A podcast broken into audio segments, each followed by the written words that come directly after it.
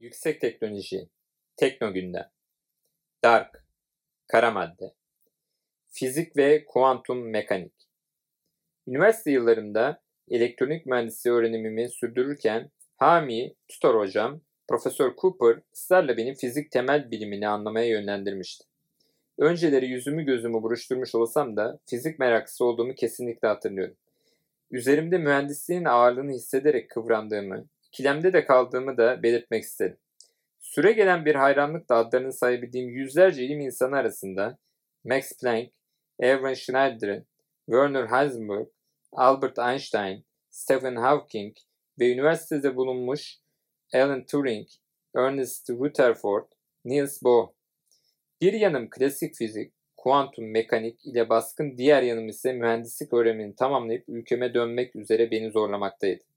Sanırım öğrenmeye çalıştığım kuantum teorisi çakışıklık yani superposition ölçülerine kadar aynı anda çoklu durumda bulunabilme içimde yaşıyordu. Benim durumumda ölçüm yapılması ile birlikte dalga denklemi wave function mühendislik olarak benim gerçeğim reality ile buluşuyordu. Fırsatlar ve yol ayrımları. Mühendislik ile kenetlenmiş teknolojinin kopmayan takipçisi olarak yola çıkışımın ardından üzerime düşen eksiksiz yerine getirmenin mücadelesiyle iş yaşamımı sürdürdüm. Zaman içinde dönüşen çağ ile birlikte karşınıza çıkan fırsatlar sizi yollarınızın çatallaştığı kavşaklarda farklı yönlere doğru yöneltebiliyor.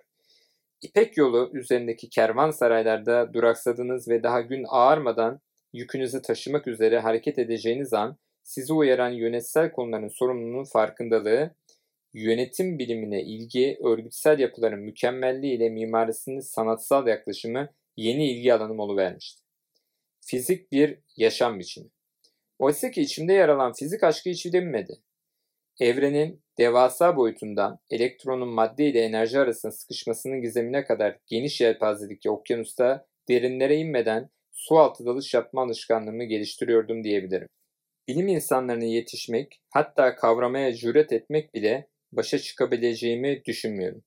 Yeniliğe anlam verebilmek, basite indirgemek, anlatabilmek ve anlaşılmasına öncülük edebilmek, üstesinden gelmek, istediğim, ısrarla şekillendirdiğim yaşam anlayışım haline dönüştü.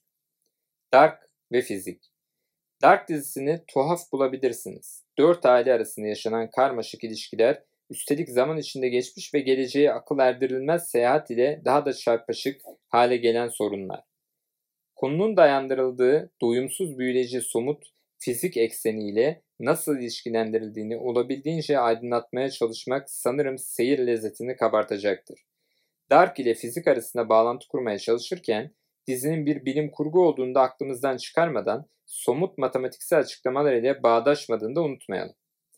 Kara maddenin yapısı Astrofizik bilim insanları evremimizde gözlemlenebilen toplam maddenin %85 oranında kara maddeden oluştuğunu açıklamaktadırlar. Araştırmaların yoğun olarak icra edildiği günümüzdeki kara maddenin yapısı ve içeriği gizemini koruması ve incelemelerin iğne ile kuyu kazmak misal uzun yıllar süreceği öngörülmektedir. Nasıl oluyor da göremediğimiz, bilmediğimiz kara maddenin varlığından haberdar olabiliyoruz. Farkına varabiliyoruz. Madem ki Dark'tan söz ediyoruz, öyleyse yüzyıllar öncesine sıçrayalım mı?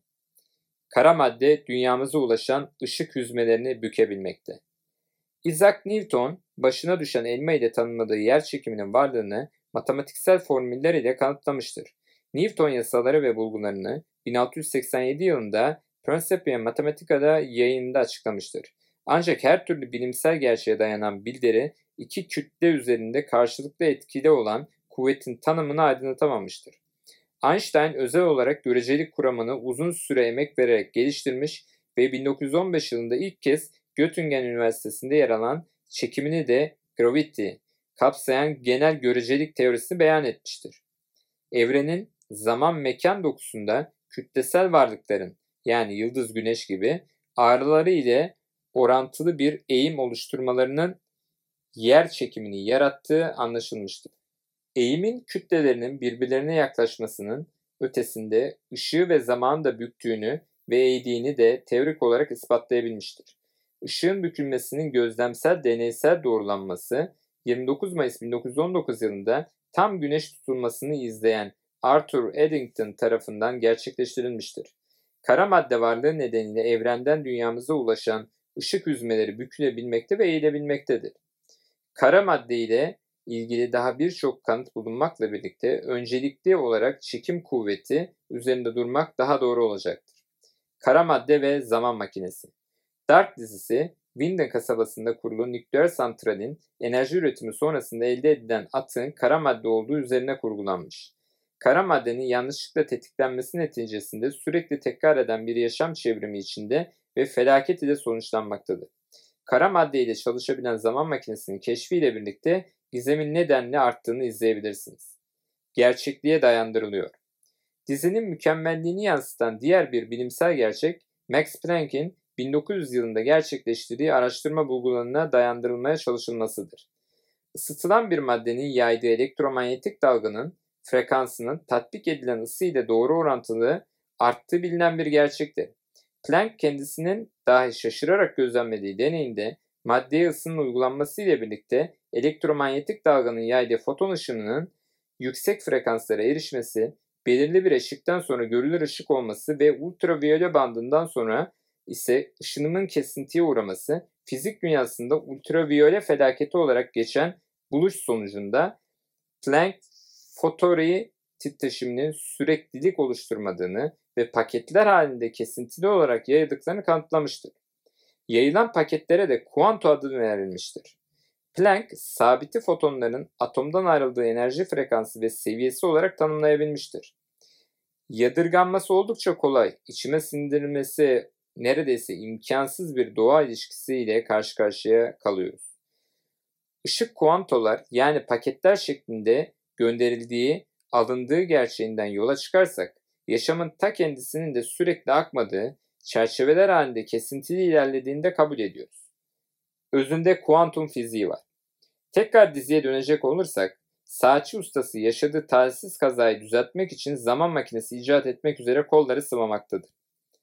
Özünde kuantum fiziği olan ancak kesinlikle hiçbir şekilde kanıtlanmamış, düşünce seviyesine bile erişememiş çerçevelerden iki farklı evreni yanlışlıkla türetir. İlk ile birlikte üç evren eş zamanlı süre gelen yolculukları ve yaşanan felaket ile aynı şekilde kesintiye uğramaya devam eder. Her çevrim süresince buluşlar ve icatlar neticesinde üç evren arasında mekan geçişini keşfederler. Geçmiş ve gelecek yolculuğu. Windham mağaraları zaman, mekan ve evren geçişlerini kolaylaştırmak üzere tamamlandı. Ancak harabeye dönüşün önüne geçebilmek için geçmiş ve gelecek yolculuğu yapan oyuncular kendi gençlik ve yaşlılık halleri ile buluşarak bilgi aktarmaya çalışırlar. Sonsuz defalarca tekrarlanan çevrim felaketi ve yeniden başlangıç serüveninde küçük bir farklılığın olduğu öğrenilir. Loophole Seyredilmeye değer bir eser. Kuantum fiziği, kara madde, bilimsel araştırma, çarpışık ilişkiler ve gizemli bir algılama yaratılarak seyredilmeye değer bir eser karşımıza çıkıyor. Bilimsel gerçekler ile örtüşmemesine rağmen büyülü yaklaşımı ile araştırma safhasında olan ve merakımızı zorlayan konulara dokunarak düşüncemizin ışık gibi bükülmesini sağlıyor. Neden olmasın dedirtircesine izlenecek muhteşem bir bilim kurgu, öykü ve hikaye olduğunu rahatlıkla söyleyebilirim.